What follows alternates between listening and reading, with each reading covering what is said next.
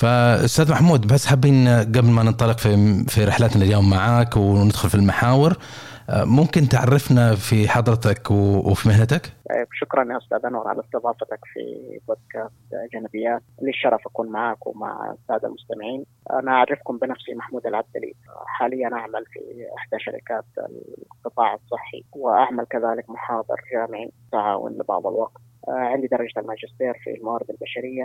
ما شاء الله. درجة البكالوريوس في تقنية المعلومات حاصل على شهادات مهنية واحترافية عالمية من CIPD ومن HRCI ومن SHRM.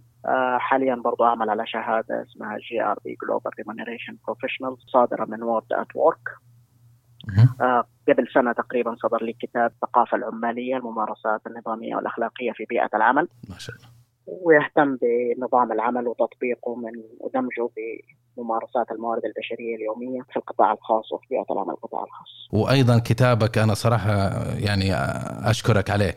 محتوى رائع. يعني طبعا مو أول كتاب في قانون العمل هو لكن ما يميزه إنه واقعي لأبعد حدود بعيد عن التنظير وبعيد عن يعني تقراه شخص يقراه سواء متخصص في في في الموارد البشرية أو حتى العاملين. أنا أنصحهم إنه جميع يقرأوا كتابك.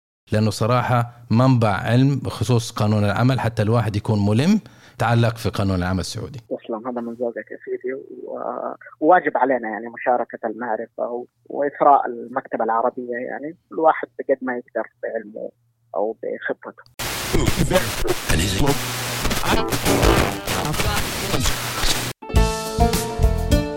كلما زادت المعرفة قلت الحاجة للكلام. أهلا وسهلا بكم في حلقة جديدة من بودكاست جنبيات. البودكاست المتخصص في المواضيع الإدارية المختلفة من مدونة جنبي dot M E والآن إليكم مقدم الحلقة أنور جنبي.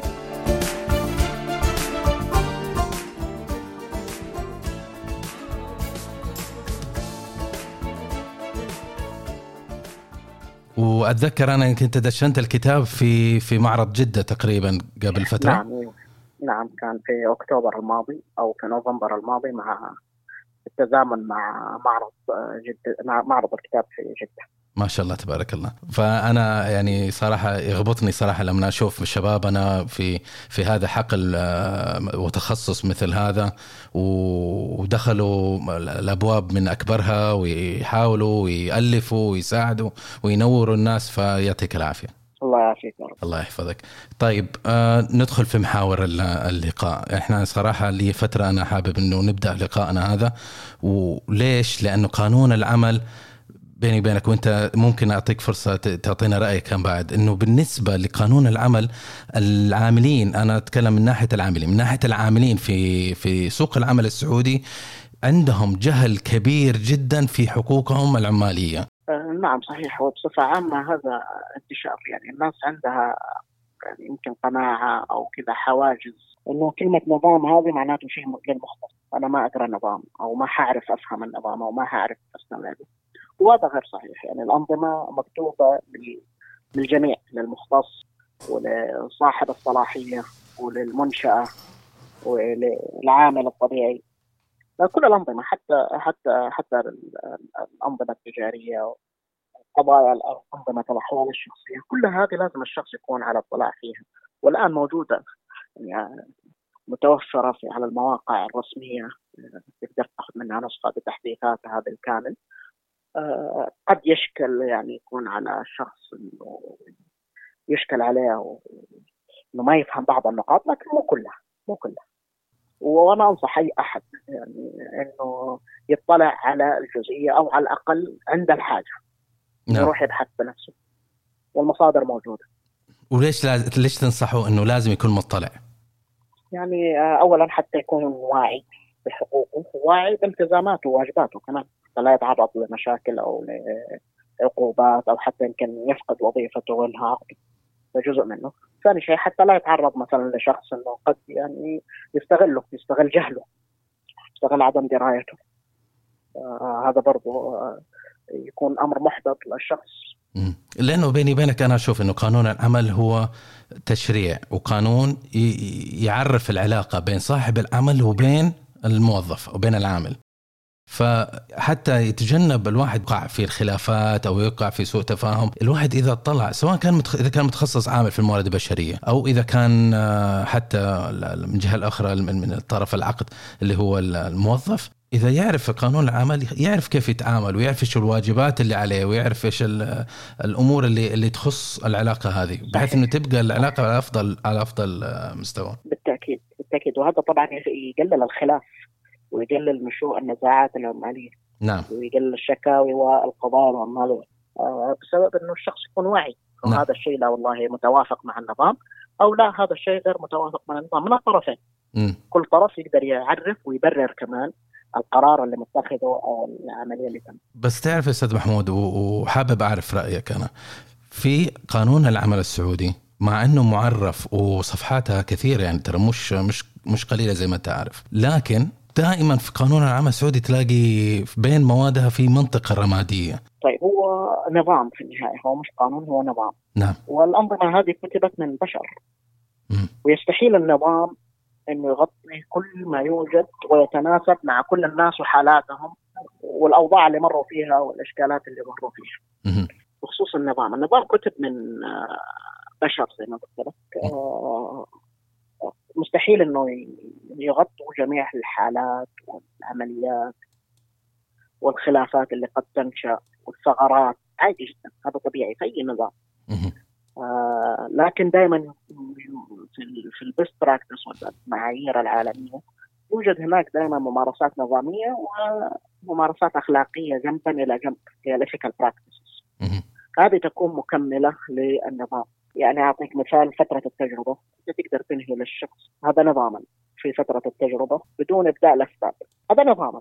okay. ولكن بال ethical practice لازم يكون فعلا هو مستحق لهذا الإنهاء، إذا ما هو مستحق لهذا الإنهاء حتى ولو النظام أعطاك القوه وما يعطيك الصلاحية آه، آه، آه، فهذه مستحيل النظام مثلا يغطيها، ما يغطيها ابدا، لازم يكون في فترة تجربة. okay.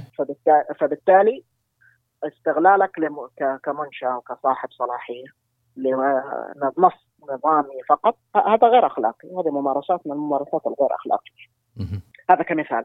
فلا آه النظام طبيعي جدا. مهما حاولت تطور فيه وتحدث فيه وتماشى تكون الخطوط العريضه الأشياء الأساسية. فقط لا غير. لكن في في معايير عالمية وفي ethical practices آه في برضه قواعد سلوكيات العمل هذه كلها تكون مكملة للانظمه حلو جدا. وبما يخص القوانين العمل اللي حنتناقشها اليوم بس نحب نذكر المستمعين إنه قانون العمل السعودي تم تحديثه آه، مؤخرا قبل فترة كم سنة وتم تفعيلها والعمل بها التعديلات في 18 أكتوبر 2015 الموافق محرم 1437 نعم صحيح. فمن باب التعديلات اللي صارت في قانون العمل تقريبا 38 تعديل. لو نذكرها بس على السريع تطرق إلى أبواب جدا جميلة يعني الإضافات حقتها ما كانت يعني فقط من باب الإضافة. فتطرقوا إلى آه، موضوع الفترة التجريبية تطرقوا إلى العقود المحددة وكيف تتجدد. آه، تطرقوا أيضا إلى كيفية إنهاء العقد وتسجيل العقوبات كيف المفروض ان تسجل العقوبات. هم بعد برضو أضافوا شيء جميل جدا. ولاول مرة في في نظام العمل السعودي على حسب علمي أنا وصححني إذا أنا غلطان اللي هو تنظيمات أو المواد الخاصة بعمل المرأة. آه، نعم أضيفت عليها تحديثات يعني كان أكثر وأكثر حتى آه، تكون بيئه العمل شامله للجميع. آه والتنظيمات أكثر وأكثر اللي صدرت حوالي قبل أربع شهور تقريبا توجد تعديلات ست تعديلات كذلك كان من آه في أكثر من نظام نظام الأحوال المدنيه والسفر ونظام العمل كذلك. حتى اضيف يعني للمواطن حق العمل آه، ذكرا كان أو أنثى. آه، وكذلك برضو تجريم عملية الديسكريميشن أو العنصرية والتمييز بسبب الجنس أو في الأجر سواء أو أو الأحقية الوظيفة أو أولوية التوظيف للجميع حتى ذوي الاحتياجات الخاصة. فهذه كلها تعديلات تمت يعني. كلها بحيث أنها تكون متماشية مع متطلبات السوق وتحديثاته والتغييرات برضه اللي موجودة. آه، بصفة عامة يعني النظام موجود من 1400 النظام آه، نظام العمل أساسا في 1398 اذا ما خانتني الذاكرة. هذا أول نظام صدر في الدولة. آه، أول نظام عمل ثم بعد ذلك حدث مو حدث 1426 صدر نظام نسخ ما قبله بالكامل وليس تحديث. بعد ذلك في 2015 أكتوبر 2015 ل 1400 تقريبا 35 أو 36 صدرت تحديثات على النظام اللي صدر في 1426 آه بالسنه تقريبا أو لا في نهاية 1444 صدرت برضه تعديلات بسيطة. بس لو نرجع للمادة اللي تخص اللي ذكرتها حضرتك اللي هي تخص آه، العدل في بيئة العمل من ناحية العقود من ناحية الأجور بين المرأة وبين الرجل وبين وحتى آه، أصحاب الإعاقة إيش أثرها؟ كيف لو تذكر لنا بس باختصار يعني الأثر هذا يصل الأثر هذا يصل حتى على الإعلانات الوظيفية اللي توجد مثلا في المواقع الإلكترونية المتخصصة في ال social media بصفة عامة أو LinkedIn آه، كان أول مثلا يقول لك هذه الوظيفة مخصصة مطلوب امرأة أو مطلوب رجل. هذا الآن مجرد. أنت تطلب موظف ايا كان. وتضع شروط للوظيفة هذه وتوضح مهامها ومسؤولياتها. تترك المجال للمرشحين. يقدمون تتفاضل بين المرشحين في من هو أفضل أو أكثر ملائمة للوظيفة بغض النظر عن عمره أو جنسه أو حالته الصحية أو الاجتماعية طالما كان قادرا على أداء العمل. أو يحدد إنه ماكسيمم العمر 30 سنة أو 35 سنة. هذه كلها من الشروط يجرم عليها عقوبات والآن يعني آه، تراقب كذلك. تراقب كذلك من لجان التفتيش المتواجدة في وزارة العمل. وأنا بالنسبة لي أشوف إنه هذا مفرق طرق بين النظام السابق وبين النظام الحالي الآن اللي يحدث المحدث واللي ما زال يحدث زي ما تفضلت لأنه على ما أذكر إنه في نظام العمل القديم كان يحرص إنه في وظائف معينة تشتغل فيها المرأة فقط محددة. نعم صحيح. حتى كان اشتراطات في بيئة العمل كانت يعني موجود نظام العمل في الفصل. كان موجود عليه اشتراطات في بيئة العمل كيف تكون معزولة وفي السابق السابق جدا كان يجب أن تكون لهم مدخل خاص ومخرج خاص ومعزولين تماما عن بيئة العمل. آه، الآن لا. الاشتراطات موجودة، توجد فواصل، لا توجد المرأة والرجل في نفس المكتب أو نفس المجموعة، ولكن مكاتبهم ليست تكون معزولة ومفصوله تماما. هذه معلومة جديدة أنا علي الان أول مرة أسمعها، أنا حاسب إنه برضه إلى الآن مفصولين لازم يكونوا كاملين. لا لا لا لا في دليل في دليل بيئة العمل أو دليل تنظيم بيئة عمل المرأة دليل خاص مكمل للنظام وليس في النظام. صدر من حوالي ستة شهور أو سبعة شهور وضع الاشتراطات في حالة المنشأة تستقبل عملاء من الجنسين وبالتالي كيف تكون الوردية الواحدة كيف تكون فيها عدد النساء. ممنوع أن يجب أن تكون لا تقل عن الوردية الواحدة فيها امرأتين. إذا كان فيها طبعا إيش مختلطة بزميل لها برجل فما تكون أقل شيء تكون امرأتين. حذر برضه هذا التنظيم من تعمد الخلوة أو محاولة الخلوة. كذلك برضه غرف الاجتماعات انها تكون مكشوفة ويرى ما بداخلها. وزي ما قلت لك برضه في حكاية المكاتب إنه مش شرط تكون معزولة لكن إذا كانت مجموعة نساء لهم مكاتب ومجموعة الرجال لهم مكاتب هذا مسموح. مش لازم يكون معزولة تماما أو مفصوله تماما. بما يخص عمل المراه مرة أخرى قبل ما ننتقل للمحور الرئيسي حقنا اللي هو عقد العمل، النظام اللي المحدث الآن اللي يقول إنه ما يصير أو ممنوع أو لا يصح إنه إنه يصير في تفرقة بناء على الجنس آه سواء ذكر أو أنثى جدا جميل. أنا شخصيا أؤيده وأشوف إنه العدل بين المساواة في في العمل وفي المميزات وفي المرتبات هذا هو الصحيح. لكن أحس إنه ربما يثير إشكاليات. الآن أنا لو أنا صاحب عمل وحطيت إعلان وظيفي زي ما ذكرت أنت ذكرت آه، إعلان وظيفي وأنا أحتاج رجل في في هذا الوظيفة لأنه طبيعتها تحتاج رجل من ناحية إمكانية التنقل والعمل خارج في الميدان واحتكاكه مع مع العمالة وكذا. فربما طبيعة العمل أنا فعلا أحتاجه كرجل. فبدل ما أنا أجي أكتب إعلان ويجيني كثير من السيفيات آه، أو السيرات الذاتية سواء من الذكور وإناث أحس إنه يكون تضليل للشريحة اللي غير مر... اللي غير مستهدفة في عملية التوظيف. أنا أنا ما أشوف إنه تضليل بقدر إنه يكون الإعلان واضح ويوصف فيه طبيعة العمل زي ما قلت لك تحدد المسؤوليات والمهام المطلوب. يكتب إنه طبيعة العمل يوجد تنقل ميداني كثير، التعامل مع العماله، الإشراف مع العماله ميدانيا في أرض الميدان. لو وجدت إمرأة ترى في نفسها الكفاءة للقيام بذلك ليش لا؟ ده رأيي يعني. ممتاز وكثير وكثير من يعني السيدات اثبت وجودهم ميدانيا. امم صحيح آه، استطاعوا يعني هي قدرات هي قدرات فانا أحط الشروط اللي تصف الوظيفة ومتطلباتها وطبيعتها والاحتياج. بعد ذلك الشخص يقيم هل الوظيفة هذه يوجد رجال أساسا يقول لك أنا الوظيفة هذه ما تناسبني وما حقدم عليها مش نساء فأنت كل ما كان إعلانك واضح محدد في المهام محدد في مدى العمل أو طبيعة العمل اشتراطات خاصة كل ما كان إعلانك واضح بمعلومات تكون غنية كل ما كان فرصة إنه الشخص يفهم الإعلان وبالتالي هم لحاله يفلتر نفسه. وندخل في محور الرئيسي للقائنا اليوم اللي هو عقد العمل. وبيني وبينك أنا اخترت الموضوع عقد العمل كمحور للقاءنا هذا واغتنمته وما حبيت أضيع فرصه لأنه أنا أحس إنه كثير من عدم الفهم أو سوء الفهم تتخلل آه، خاصة في هذا الموضوع من ناحية الموظفين. وربما حتى من المتخصصين في في الموارد البشرية. نعم صحيح. يعني عقد العمل اول أول قاعدة رئيسية في عقد العمل. ما هو one size fit all يعني ما هو كذا template أنا آخذها من الإنترنت أو حتى يوجد برضه نموذج يعني يمكن يعني استئناس به واستخدامه موجود في لائحة تنفيذية لنظام العمل مرفق من الوزارة. لكن نموذج إرشادي تعريفي.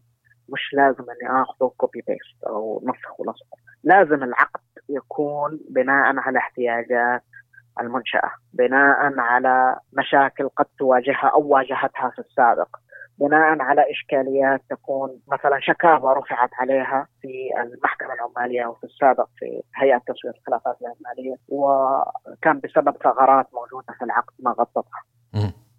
لكن في مبادئ أساسية مشتركة في العقد.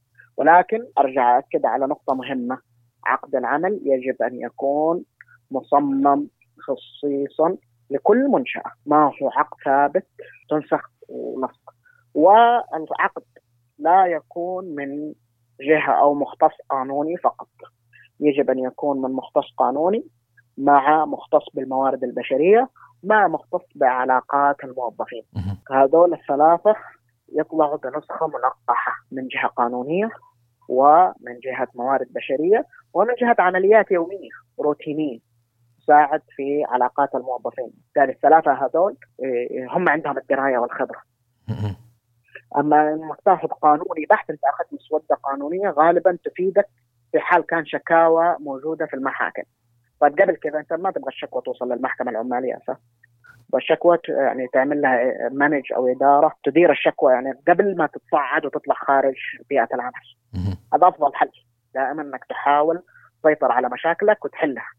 كل ما كان system ك قوي كل ما كان تطبيقك للنظام أقوى كل ما كان عقدك آه، مغطى كل ما كان نجحت أنت هذا في في عدد في تقليل عدد الشكاوى، أنت ما تقدر تمنع أحد من الشكوى لكن تقدر تقلل العدد عن طريق آه، إنه يكون عقد العمل تبعك مصاغ بطريقة متناسبة مع عمل الشركة مع توجهها مع طبيعتها وهكذا. بس عندي تعقيب سؤال صغير.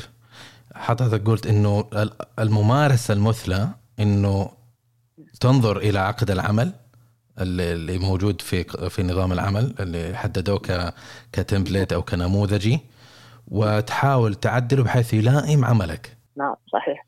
كبرت المنشأة وصارت ولا يكون التعديل من جهة قانونية فقط، لازم يكون موجود ال inputs أو الإضافات فيما يخص ممارسات الموارد البشرية بصفة عامة وبالتحديد علاقات الموظفين أو ال employee relation أو ال personnel. وأنا حابب أسألك بعد التأكيد هذا والعبارة والمعلومة المفيدة اللي قلتها ليش؟ ليش لازم إنه أفضل ممارسة إنه نعمل آه، تعديلات عليها بحيث تلائم؟ ليش ما نستخدم نفس النسخة حقت وزارة العمل؟ النسخة هذيك عامة تشمل الجميع. المنشأة الكبيرة والمنشأة المتوسطة والمنشأة الصغيرة. أنا طبيعة عملي آه، أحتاج أنه يكون الموظف من أول يوم بالنسبة لي مثلا فترة التجربة مجتازها أنا كمن جهة منشأة فقط يكون لي الحق في إنهاء مثلا فترة التجربة، الموظف ما يكون له الحق، هذا نص في النظام موجود، فأقدر أنا أعيد صياغة فتره التجربة بإنه فقط كمنشأة أو كصاحب عمل لي الحق في الإنهاء عقد العمل فترة التجربة، أما الموظف من يوم واحد هو موظف بالكامل، هذا واحد مثلا.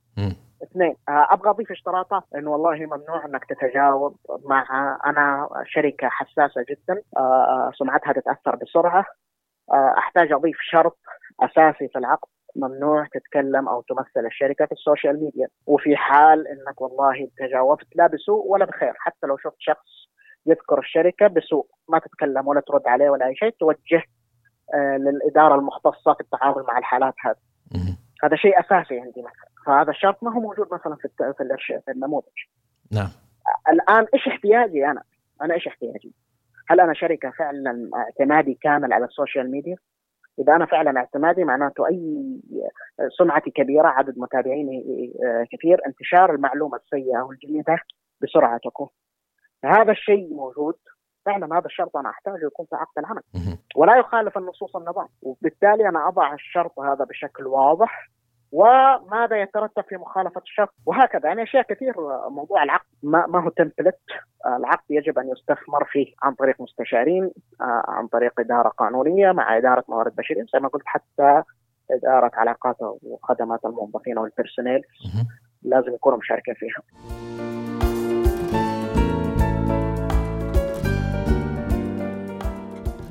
جميل جدا. وأحب انه اخذ اغتنم هذه الفرصة من من هذا اللقاء.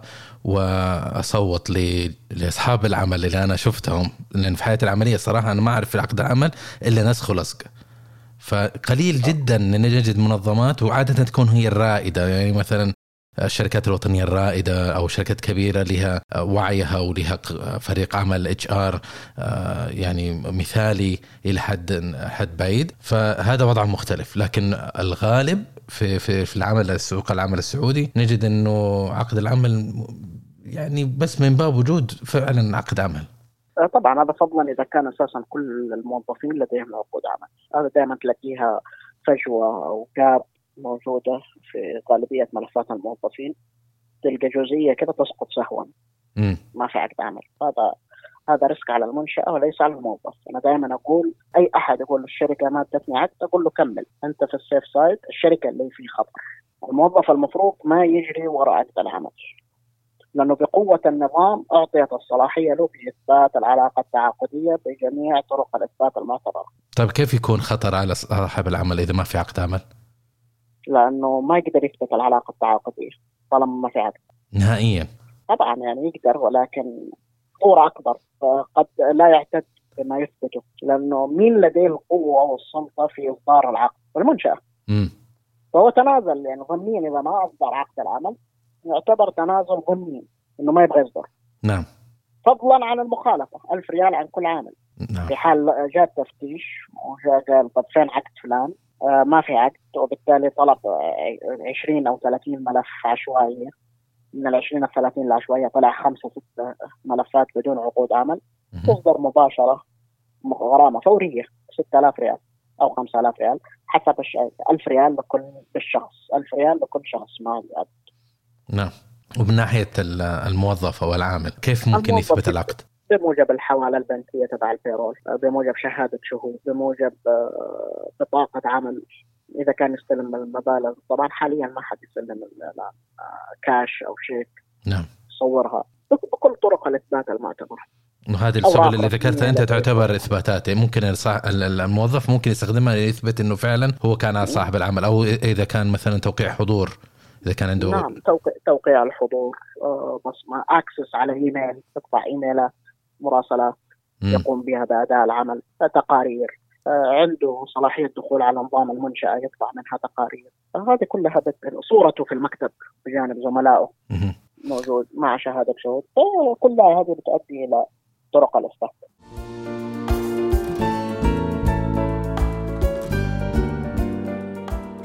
تعرف يا أستاذ محمود إنه في شيء عجيب أنا لاحظته وفي تناقض يكون من من موضوعين مختلفين في أصحاب عمل وشركات كبيرة عندهم سياسة يقول لك إنه أوكي أنا وظفتك يا يا أنور لكن ما بعطيك العقد إلا بعد ما تنهي فترتك التجريبية. ممتاز هذا أمر خطير ثاني لأنه فترة التجربة منصوص عليها أن تكون منصوص صراحة في العقد. إذا ما أعطيتك عقد كيف حثبتها؟ هذا أمر خطير فجوه كبيرة جدا. وبالتالي الموظف من اليوم الأول يصبح هو مجتاز من فترة التجربه إذا ما صدر عقد واضح فيها هذا النص مهم. آه، آه، العقد المفروض يوقع الموظف بحد أقصى اليوم الأول من العمل. إذا ما كان قبل. وحقيقه أنا اختصرت يعني أنا في ال practice تبعي اختصرت في أكثر من فترة من الفترات في خبرتي العملية. اختصرت ال process والإجراء هذا. ما عاد في عرض وظيفي وعقد عمل. هي وثيقة واحدة ترسل للمرشح. عرض وظيفي وعقد عمل. ما الصفحة الأولى فيها الأم. أيوه. الصفحة الأولى فيها المميزات الوظيفية وكأنها الاوفر والصفحتين الثلاثة اللي تلحقه هي شروط التعاقد. يصبح فيها شفافية عالية احترام للشخص ما في مفاجآت ما في أي شيء. وبالتالي هذه طريقتي وهذه شروطي وهذه واجباتي وهذه واجباتك وهذه التزاماتك. أنت يا مرشح. مع الأوفر. بالتالي يقلل نسبة عدم الرضا. أو المناقشات والمفاوضات. لا ما اتفقت على هذا الشرط. لا كيف ممنوع إني أنا أشتغل؟ ما أشتغل في أوقات خارج الدوام لدى أي طرف ثالث. لا كيف؟ لا أنا ما. تصبح المناوشات بعد توقيع الأوفر يقول لك طب خلاص أنا استقلت الآن أنت حطيت لي الشرط هذا الشرط هذا ما يناسبك لأن الأوفر هي عبارة عن خمسة ستة بنود فقط لا غير. ما يشمل جميع الاشتراطات الجانبية. يبدأ النقاش وتخيل موظف يجيك من أول يوم هو عنده عدم رضا. كيف تتوقع انتاجيته؟ بسبب شروط ما كانت موجودة أو غير متوقعة. فمن حق الطرفين يتفقوا على الشروط هذه ولكن كانت غير متوقعة. بس الشيء الجوهري هنا إنه من ناحية فتره التجربة لأنه صاحب العمل في المثال اللي ذكرناه إنه صاحب العمل يمتنع باختياره هو يمتنع إنه يعطي صاحب آه ال- العامل أو الموظف يعطيه العقد ويشتغل ويقول له يعني ما عنده مشكلة يقول له أنا أعطيك اياه بعد الفترة التجريبيه لما تساله ليش. يقول لا ما أحب أنا أعطيك أعطي الموظفين هذه سياستنا إحنا ما نعطي العقود إلا بعد ال... بينما في نفس الوقت يعني طبعا آه، بينزل له راتبه وبيثبت على نفسه إنه ال- ال- الموظف آه، على رأس العمل وبيأمنه ويدخله في تأمينات ويعطي له ت- تأمينات الطبية يعني كل شيء سالك ما عدا العقد وهذا شيء ما فهمته يعني في تصرفات بعد أصحاب العمل أنا حقيقي صحيح صحيح هذا موجود. البراكتس آه، العرف للأسف آه، موجود. إنه عقد العمل يوقع بعد فترة التجربة هذا عرف باطل بكل المقاييس. ولكن أنا أؤكد للموظف لا تجري وراء عقد العمل. عقد العمل من مصلحة المنشأة بتوقيعه معك. إذا أنت ما وقعته ما عليك ضرر مصلحتك قائمة. وبس من باب التوضيح. إذا ما تم توقيع العقد لأنه في في زي ما ذكرت حضرتك أنت في الفترة التجريبية لازم إنها تكون مكتوبة صراحة في العقد. طيب في حالة نعم. إذا ما كانت مكتوبة صراحة في العقد أو إنه العقد ما توقع خير شر.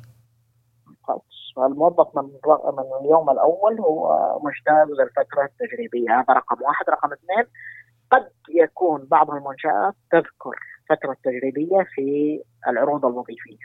امم صحيح. آه، فبالتالي تقوم لأن العرض الوظيفي يقوم مقام العقد. بس بشروطه بال- بالشيء اللي فيه امم بدون أي إضافات ولا يحل محل العقد ولو جاء مفتش آه، من آه، من وزارة العمل. آه، وجد عرض وظيفي لا يعتد فيه.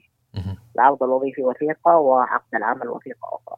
إلا أن تكون الوثيقة اسمها عرض وظيفي وعقد عمل معنى هذا الكلام إذا أنا باشرت عملي في اليوم الأول ومن غير ما أوقع العقد هل يسقط تسقط الفترة التجريبيه إذا ما ذكرت في الع- تسقط. تسقط طالما ما ذكرت في أي وثيقة أخرى الموظف موقع عليها. طيب وإذا وقعت العقد بعد 20 يوم من عملي؟ خلاص ما دام وقعت آه، انتهى. آه، أصبح الشرط نافذ. آه يعني يرجع كأثر رجعي. والأسبوعين آه أو ال 20 يوم اللي أنا عملتها هل تحسب في في الفترة التجريبية؟ تحسب نعم تحسب. تحسب يعني أوكي. يعني ي- ينظر إلى الفترة ال- السابقة. نعم يحسب. لأنه خاصة لو ذكر تاريخ التعيين في العقد أو ذكر في أي وثيقة أخرى تاريخ التعيين.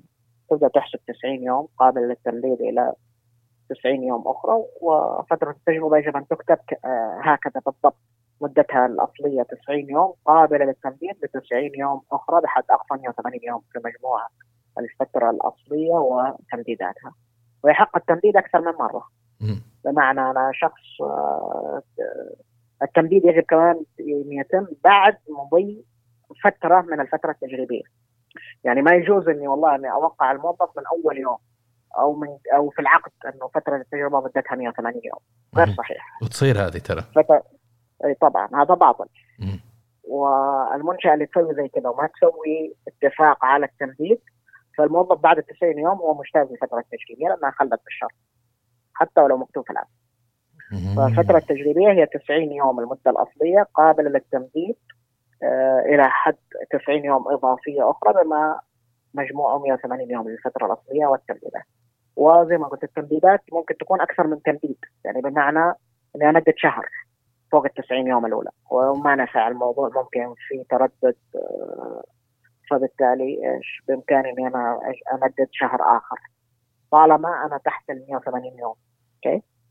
حلو. بس بمعنى أتأكد إنه أساس أنا فهمت ولا لأ. بالنسبة لل 90 يوم الأول المفروض يكون يذكر صراحة إنه 90 يوم. ما أقدر أقول نعم. إنه والله 120 يوم. لا. لازم 90 يوم وامدد بعدها إذا ما إذا الظروف احتاجت إذا الظروف احتاجت إنه أمددها بورقة رسمية موقعة من طرفين مكتوبة نعم. ورضا نعم الطرفين صحيح. نعم صحيح. باتفاق كتابي يوقع عليه الموظف وصاحب العمل. و... على اتفاق بتمديد فترة التجربة سواء تمديدها ب 90 يوم إضافية جديدة أو جزء من ال 90 يوم الجديده 30 يوم. ولكن حتى لو بعد ال 30 يوم تقدر أو قبل ال 30 يوم الجديده ما انتهت تبى تمدد كمان أوكي طالما أنت تحت ال 180 تقدر تمدد أكثر.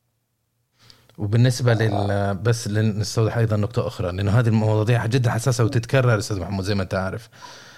إذا أنا صاحب العمل حطت في العقد 180 يوم وش مخالفة زي ما حضرتك وضحت من غير يعني أي تعقيد. الموظف بعد ال 90 يوم الأولى هو موظف رسمي.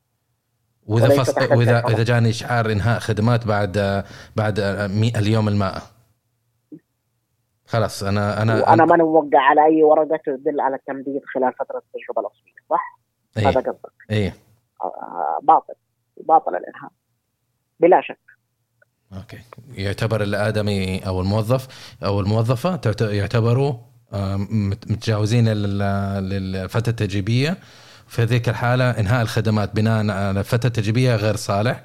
معناته أنت لازم لازم إذا حبوا إنه ينهوا الخدمات بعد 90 يوم لازم ينهوها عاد ببنود أخرى وبطرق أخرى لها مميزاتها ولها لها تعويضاتها ولها طرقها. صحيح. طيب هذه إحنا تناولنا الفترة التجريبية إنها المره المرة واحدة وتتمدد حدها إلى 180 يوم. لكن بالنسبة لعقد العمل المحدد بعض الأحيان نجي نجد أنه عقود العمل ما هي مذكور فيها آه، صراحة متى تتجدد أو كم عمرها أو أيا كان. فنفترض أنه العقد طيب. محدد متى يتجدد؟ طب أولا عقد العمل آه، له أصل. الأصل في عقود العمل آه، أستاذ أنور إنه يكون غير محدد المدة. هذا الأصل. لأنه النية في التعاقد عادة إنها تكون طويلة الأمد. طيب. طيب آه لكن إن كان تبقى تعدل على هذا الأصل أو الطبيعي أو الافتراضي. وبالتالي لازم طبعا شرط اللي هو مدة عقد العمل والمدة هنا يجب أن تفصل والانتباه لطرق التجديد في المده مثلا نفترض انه قلنا مدة هذا العقد كالعادة دائما تكون سنة. ولكن نفترض أني لو قدرت أقول أقول والله أبغى مدة هذا العقد تسعة أشهر. يجوز. مدة هذا العقد 14 شهر. فالعقد المحدد عرف في السوق انه والله سنة. هذا غير صحيح. هو عقد محدد. المدة حددها بكيف؟ زي ما تشاء. بالأيام بالشهور بسنة وجزء من السنة. بالمدة المتفق عليها. ويصبح محدد المدة. حلو. فمحدد مدة المدة مش معناه تلقائيا إنه سنة. لا. ممكن سنة ممكن أكثر ممكن أقل. هكذا. طيب. الآن إذا كتبت مدة هذا العقد سنة وسكت. والموظف أكمل سنة. وأكمل شهر فوق السنة وشهرين.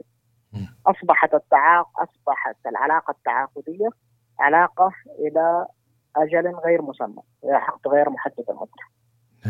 لأنه النص ذكر مدة هذا العقد سنة. لكن بعد السنة لم يذكر. ولكن الطرفين ضمنيا استمروا في تنفيذ العقد. لأنه في علاقة تعاقديه استمرت بعد انتهاء السنة. اندفع للموظف راتب والموظف هذا يحضر ويؤدي عمله وهكذا. فيصبح العقد بهذا النص مدة هذا العقد سنة. طيب مدة هذا العقد سنة ويجدد تلقائي وسكت. كذلك يصبح العقد غير محدد المده لكن مدة هذا العقد سنة ويجدد تلقائي لمدة مماثلة. هنا يصبح العقد محدد المده ويتكرر التجديد بمده مماثلة حتى ثلاث مرات تجديد أو أربع سنوات أيهما أقل نجي نوضح الشرط هذا اللي هو مرات التكرار ومدة الخدمة مرات التكرار تنفع فين؟ لو قلنا إنه والله المنشأة توقع عقد مدته ستة شهور. يعني ستة شهور الأصلية وبعدها ونفترض انه مدة هذا العقد ستة أشهر تجدد تلقائي لمدة مماثلة نعم. هكذا. وبالتالي المدة الأصلية ستة شهور. ويجدد تلقائي لمدة مماثلة نفترض الشخص أكمل ستة شهور أخرى ثم بعد ذلك جددت ستة شهور أخرى تلقائي برضه وبعدها ستة شهور أخرى. بمعنى ستة في أربعة 24 يعني سنتين. نعم. الشخص بمجرد ما أكمل السنتين مع هذه المنشأة ومع هذا صاحب العمل عقده يصبح غير محدد المدة ليه؟ لأنه تكرر التجديد ثلاث مرات.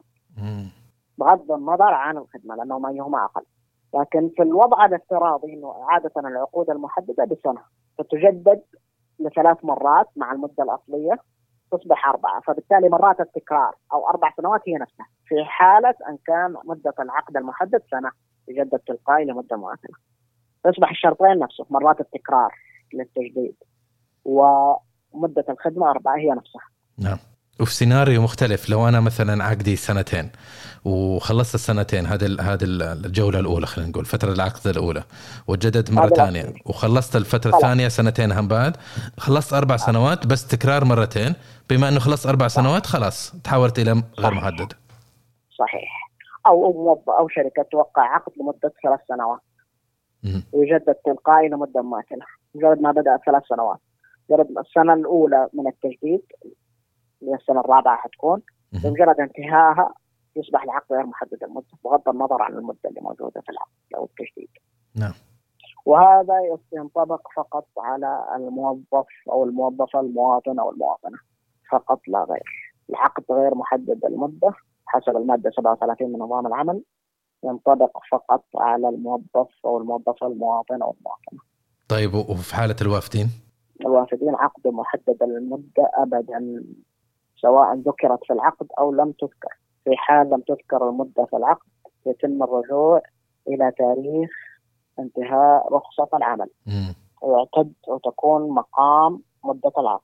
هذا نص صريح في النظام. طيب والعقود اللي تقول لك والله ال- الوافد يقول له إنه عقدك ترى غير محدد المدة. باطل.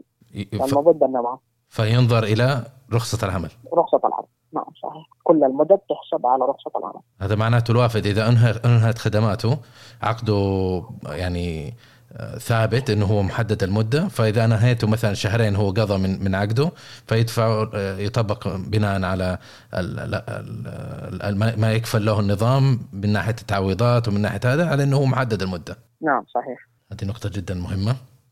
بالنسبة لعقود العمل لو ننتقل من من نهاية من موضوع العقود وانهاء العقود والتعويضات.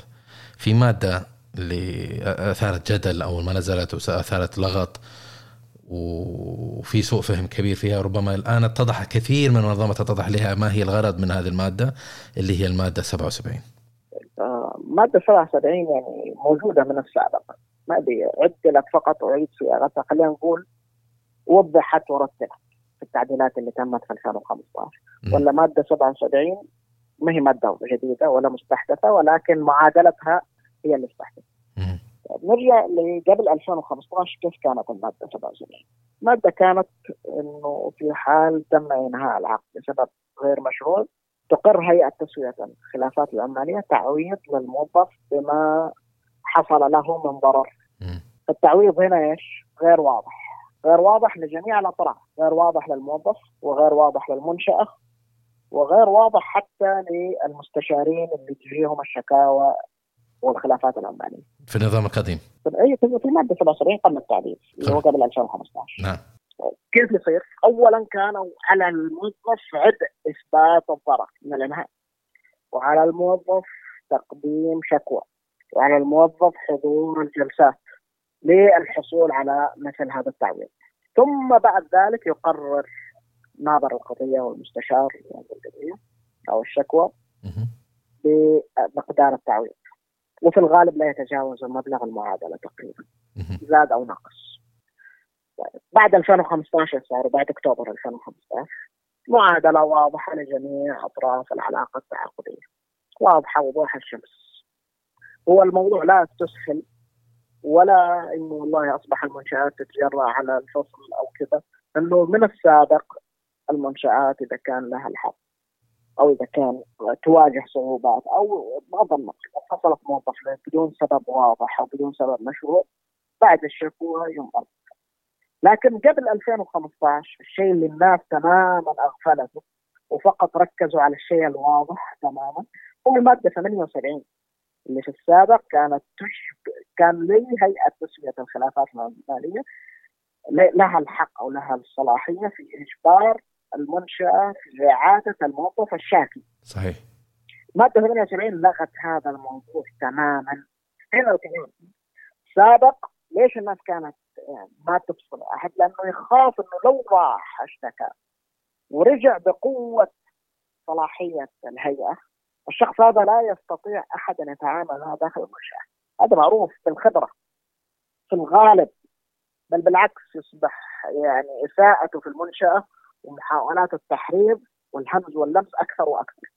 نعم. لأنه الشخص إذا اشتكى وصل مرحلة إلى الشكوى صعب إنك ترجع مرة ثانية تدمج هذه العلاقة.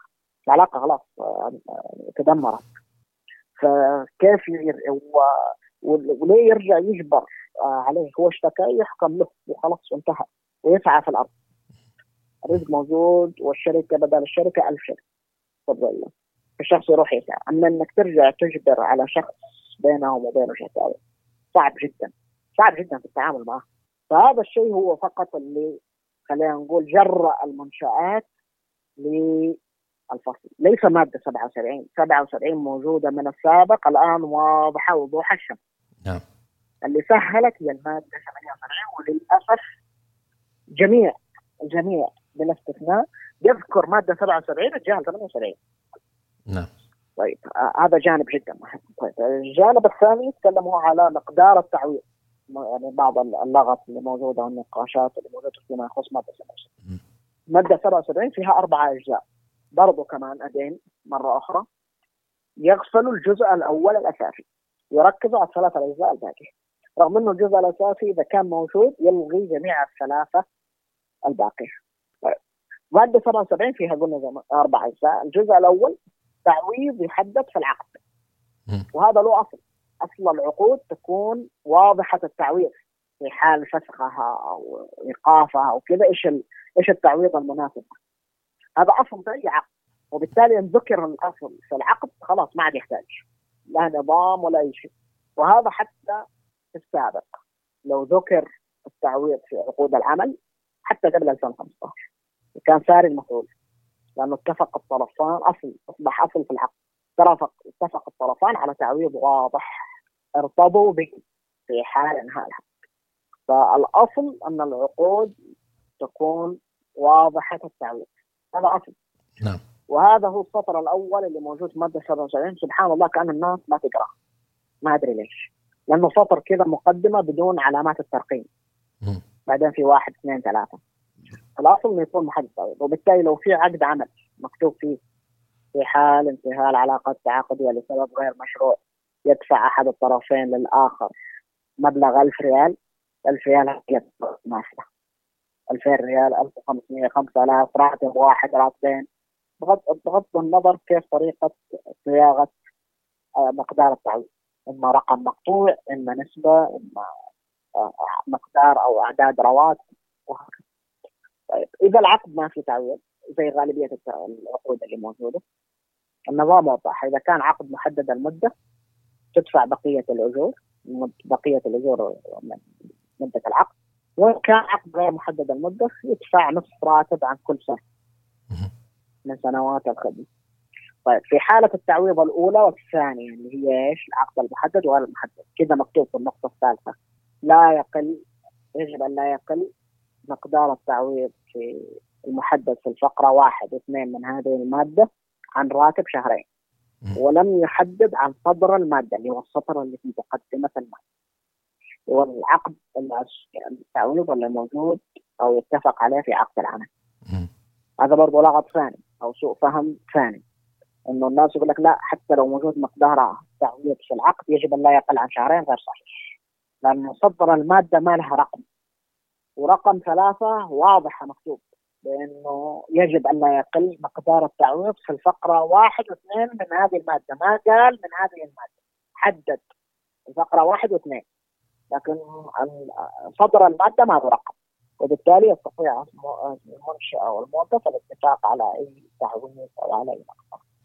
وضحت الله يعطيك العافية من ناحية المادة 77 لكن أنا كشخص لحقت على النظام العمل قبل قبل التحديث ولحقتها بعد 2015 بعد التحديث وصراحة يعني وحابب أسمع منك من مختص في في نظام العمل وفي الموارد البشرية.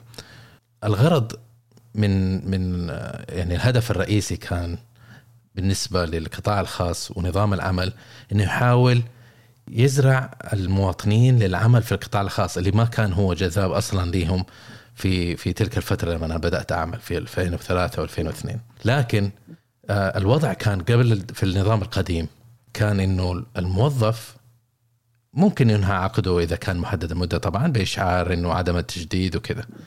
لكن إذا صار غير محدد بعد ثلاث سنوات من العمل يصير غير محدد.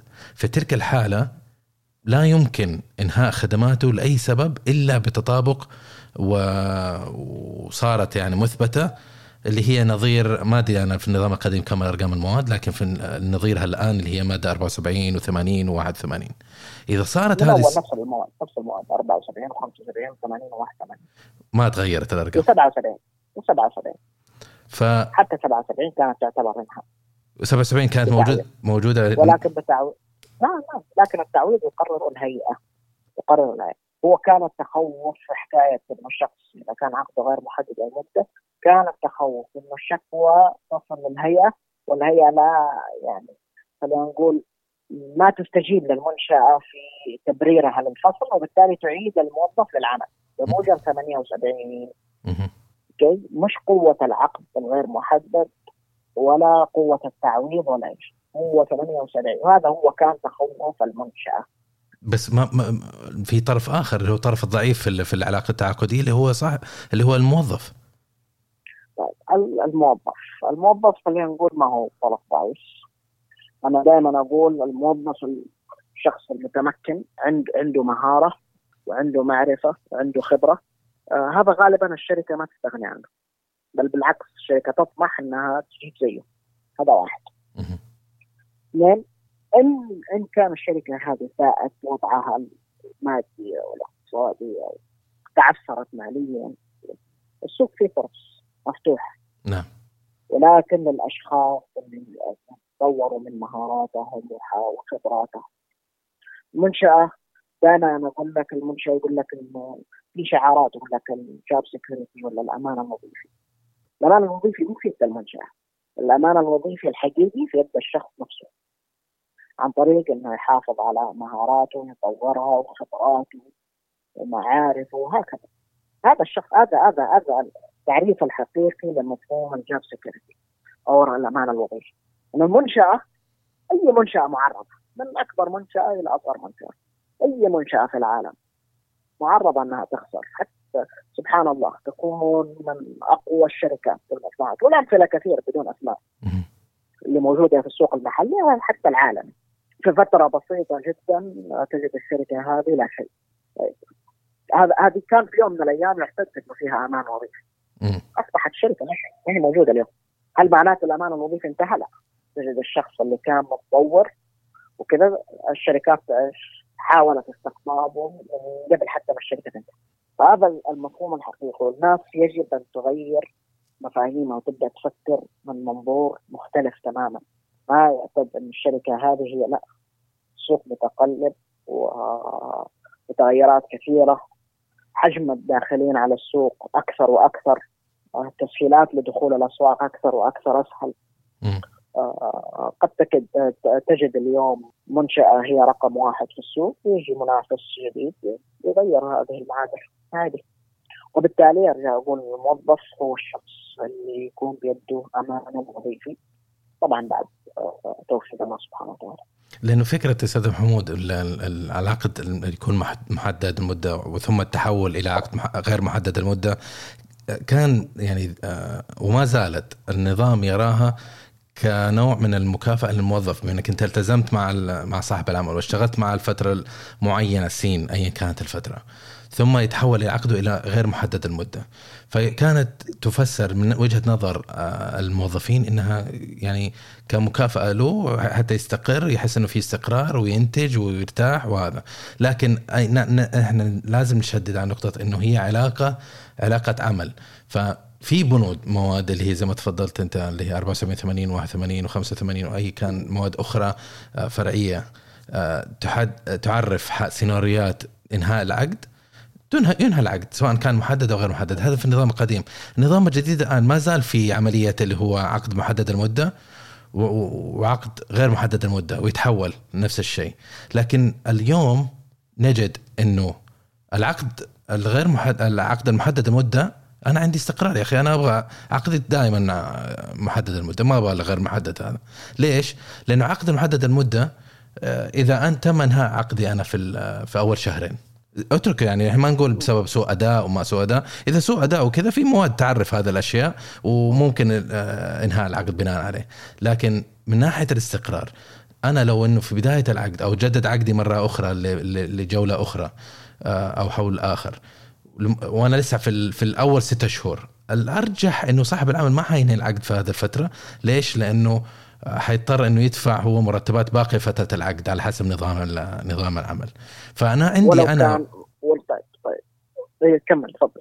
فعندي أنا نوع ما من الاستقرار في العقود الغير محددة عفوا في العقود المحددة المده بينما لما يتحول عقدي إلى غير محدد المدة أنا موظف آه، في مهب الريح لأنه نظام العمل حتى آه، أنا معاهم ايدهم إنه لازم تعطي باب لصاحب العمل إنه إذا ما يبغى الموظف لأي سبب يعني في أسباب كثيرة العمل متغير وسوق العمل متغير إنه يكون له باب إنه ينهي العقد مع الموظف. لكن أنا كموظف لما صار عقدي محدد صرت ما بالريح راس التعويض الثلاث الفقرات اللي ذكرتها حد أقصى شهرين مرتب وانهى العقد ومع السلامة تحت بند إيش؟ آه إنهاء العقد لسبب غير مشروع. طيب جميلة النقطة هذه يا أنور شوف لو كان عقدك محدد المدة وموجود إنه في تعويض 2000 ريال في حال الإنهاء نعم إيش قيمة مدة. المدة المتبقية من العقد؟ ولا شيء 2000 ريال هذا جانب إيش 2000 ريال؟ معلش ما فهمت النقطة هذه. إيش 2000 ريال؟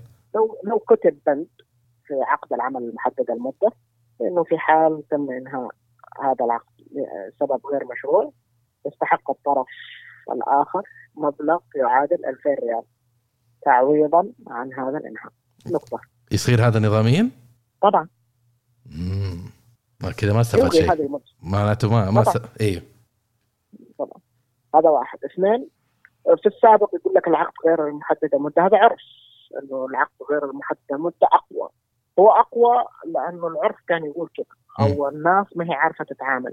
أو خلينا نقول حتى المختصين ما هي عارفة تتعامل مع العقود. هذه وغير صحيح العقد الغير محدد المدة مثلا قيمة مكافأة نهاية الخدمة تبعه في حال الموظف أنهى العقد أقل من العقد المحدد المدة.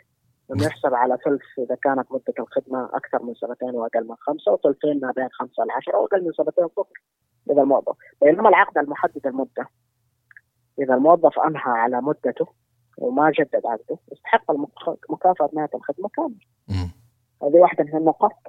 نعم. فالعقد الغير محدد في السابق وفي الحالي تنقص منه ولكن أنت تستفيد من إنه العلاقة إلى أمد غير مسمى. وهذا قلنا اصل في الحقوق إنه هي الأصل في العقود إنها تكون غير محددة المده دائما أقول للشباب من ناحية إنهاء العقود والعقود وكذا ولا أجد إنه كثير من من الشباب والشابات ينظروا يدققوا كثير وينغمسوا كثير في في في نظام العمل يبحثوا عن إيش اللي ممكن يرجح كفة هذا على هذا. بينما أنا يعني أحب أبسطها جدا العلاقة التعاقدية بين صاحب العمل والموظف. إني أقول لهم يا جماعة العلاقة بينكم يعني أنت إنسان أجير تأخذ أجر نظير نظير عمل. لأي سبب كان إذا إنه صاحب العمل ما يحتاج العمل ما يحتاج إنه عملك ما صار يحتاج أو إن انت أنت ما توفقت في إنك أنت تقوم بعملك. يعني كل واحد ياخذ سبيله زي ما اجتمعتوا في في علاقة تعاقدية. كل واحد في طريقه. يعني الموضوع ليس شخصيا. والهدف يا شباب إنه مو تطالعوا في في نظام العمل. تبحثوا عن إيش اللي يرجح وإيش اللي يحميني وإيش اللي يقعدني ولا بجلس هنا وباخذ أكبر قدر من التعود. لا هذه الطريقة آه، أنا أشوفها طريقه مسدود. الطريقة المثلى إنه الموظف أو الموظفه يبحثوا عن زي ما تفضلت أنت قبل نقطة قبل قبل آه، قبل آه، من نقاشنا في المادة 77 إنه يبحث إنه كيف يظهر قيمته للمنظمة ومنها يجعل علاقته التعاقدية مستدامة دائمة آه، إذا القيمة راجعة للموظف ما أظن إنه صاحب عمل يفرط في موظف أداؤه كويس وقيمته راجعة له في في في شكل عمل. صحيح هذا في الغالب نعم صحيح. طيب أستاذ محمود أنا طولنا عليك يعطيك العافية وشكرا أعطينا قليل من وقتك وإحنا نعرف إنك أنت ما شاء الله عليك دائما مشغول بالمشروعات اللي تقوم عليها قبل ما نودعك آه، ممكن تقول لنا إيش المشاريع اللي أنت قايم عليها مؤخرا أو جاية في الطريق؟ يعني مشاريع شخصيه أو إيش أو عملية أو إيش بالضبط؟ من باب في مجال العمل حقك هل في عندك دورات؟ هل عندك قاعد تألف كتاب جديد؟ قاعد ننتظر إحنا ترى يعني شفنا الكتاب الأول وأنا اشتريته ترى مرتين نسختين. المرة الأولى واحد من الشباب يعني أخذوا علي والثاني استلفوا واحد مو راضي يرجع لي ف كمان. لا حقيقي شغال على كتاب آخر يعني لسه فكرته موجودة وبدأت حتى في بعض الأبواب. نعم. يعني كنت أطمع إنه كذا ربنا يبارك لها بالوقت يكون بتزامن مع معرض كتاب جدة السنة هذه بس للأسف ما يعني قد يكون مع معرض الرياض معرض الكتاب في الرياض قد في أبريل أعتقد هو في أبريل أو في مارس. قد يصادف إنه يكون انتهى وخلص على أكمل وجه. آه حيكون مختلف عن الكتاب الأول. آه الكتاب الأول برضه كمان كمان ست شهور أو أكثر. تزيد أو تنقص تصدر منه إن شاء الله نسخة إضافية. ما شاء الله. آه طبعة ثانية. آه وهذا خبر جميل لأنه صراحة كتابك آه صعب صعب نلاقيه. موش دائما متوفر في في السوق. والله أنا كذا كويس خليني ألوم دار النشر أنا كذا. أبلغهم الرسالة. لا شد عليها وخليهم يوفروا في السوق. آه وفين ممكن المستمعين يلاقونك على الإنترنت؟ في تويتر عادة أكون مشارك آه، ال user العبدلي M العبدلي M. أو بحث محمود العبدلي في تويتر موجود في لينكدين كذلك أنشر مقالات بين فترة وأخرى. ما شاء الله. في تقريبا حوالي أكثر من 33 مقالة. ما شاء الله. آه، نشرت على حسابي في لينكدين هذه هذه في الغالب آه، حسابات ال social media أنا مقل فيها صراحة لكن تويتر عادة اكون موجود. رائع جدا. آه، أستاذ محمود الحوار معك لا يمل والموضوع يعني شيق وخبرتك متعطشين لها يعني لكن لابد أنه وصلنا لوقت نودعك. ونشكرك على وقتك اللي استثمرته معنا والمعلومات اللي شاركتها معنا في البودكاست ومع المستمعين. ونتمنى لك كل توفيق في جميع مشاريعك القادمة وفي دوراتك ومشاريعك اللي تقوم عليها. تسلم الله يعطيك العافية أنور وأنا سعدت صراحة بالمشاركة واللقاء. وحقيقه نقاشك كان مثري لموضوعات ونقاط هامه آه، استفدت واستمتعت. يعطيك العافية. أتمنى أكون يعني خفيف ينظر على بودكاست جنبيات المستمعين كذلك. وشكرا جزيلا ونراك على خير مرة قادمة. كنتم مع حلقة أخرى من بودكاست جنبيات. ندعوكم لزيارة المدونة على جنبي dot me ومتابعتنا على قنوات ال social media. دمتم بود وفي أمان الله.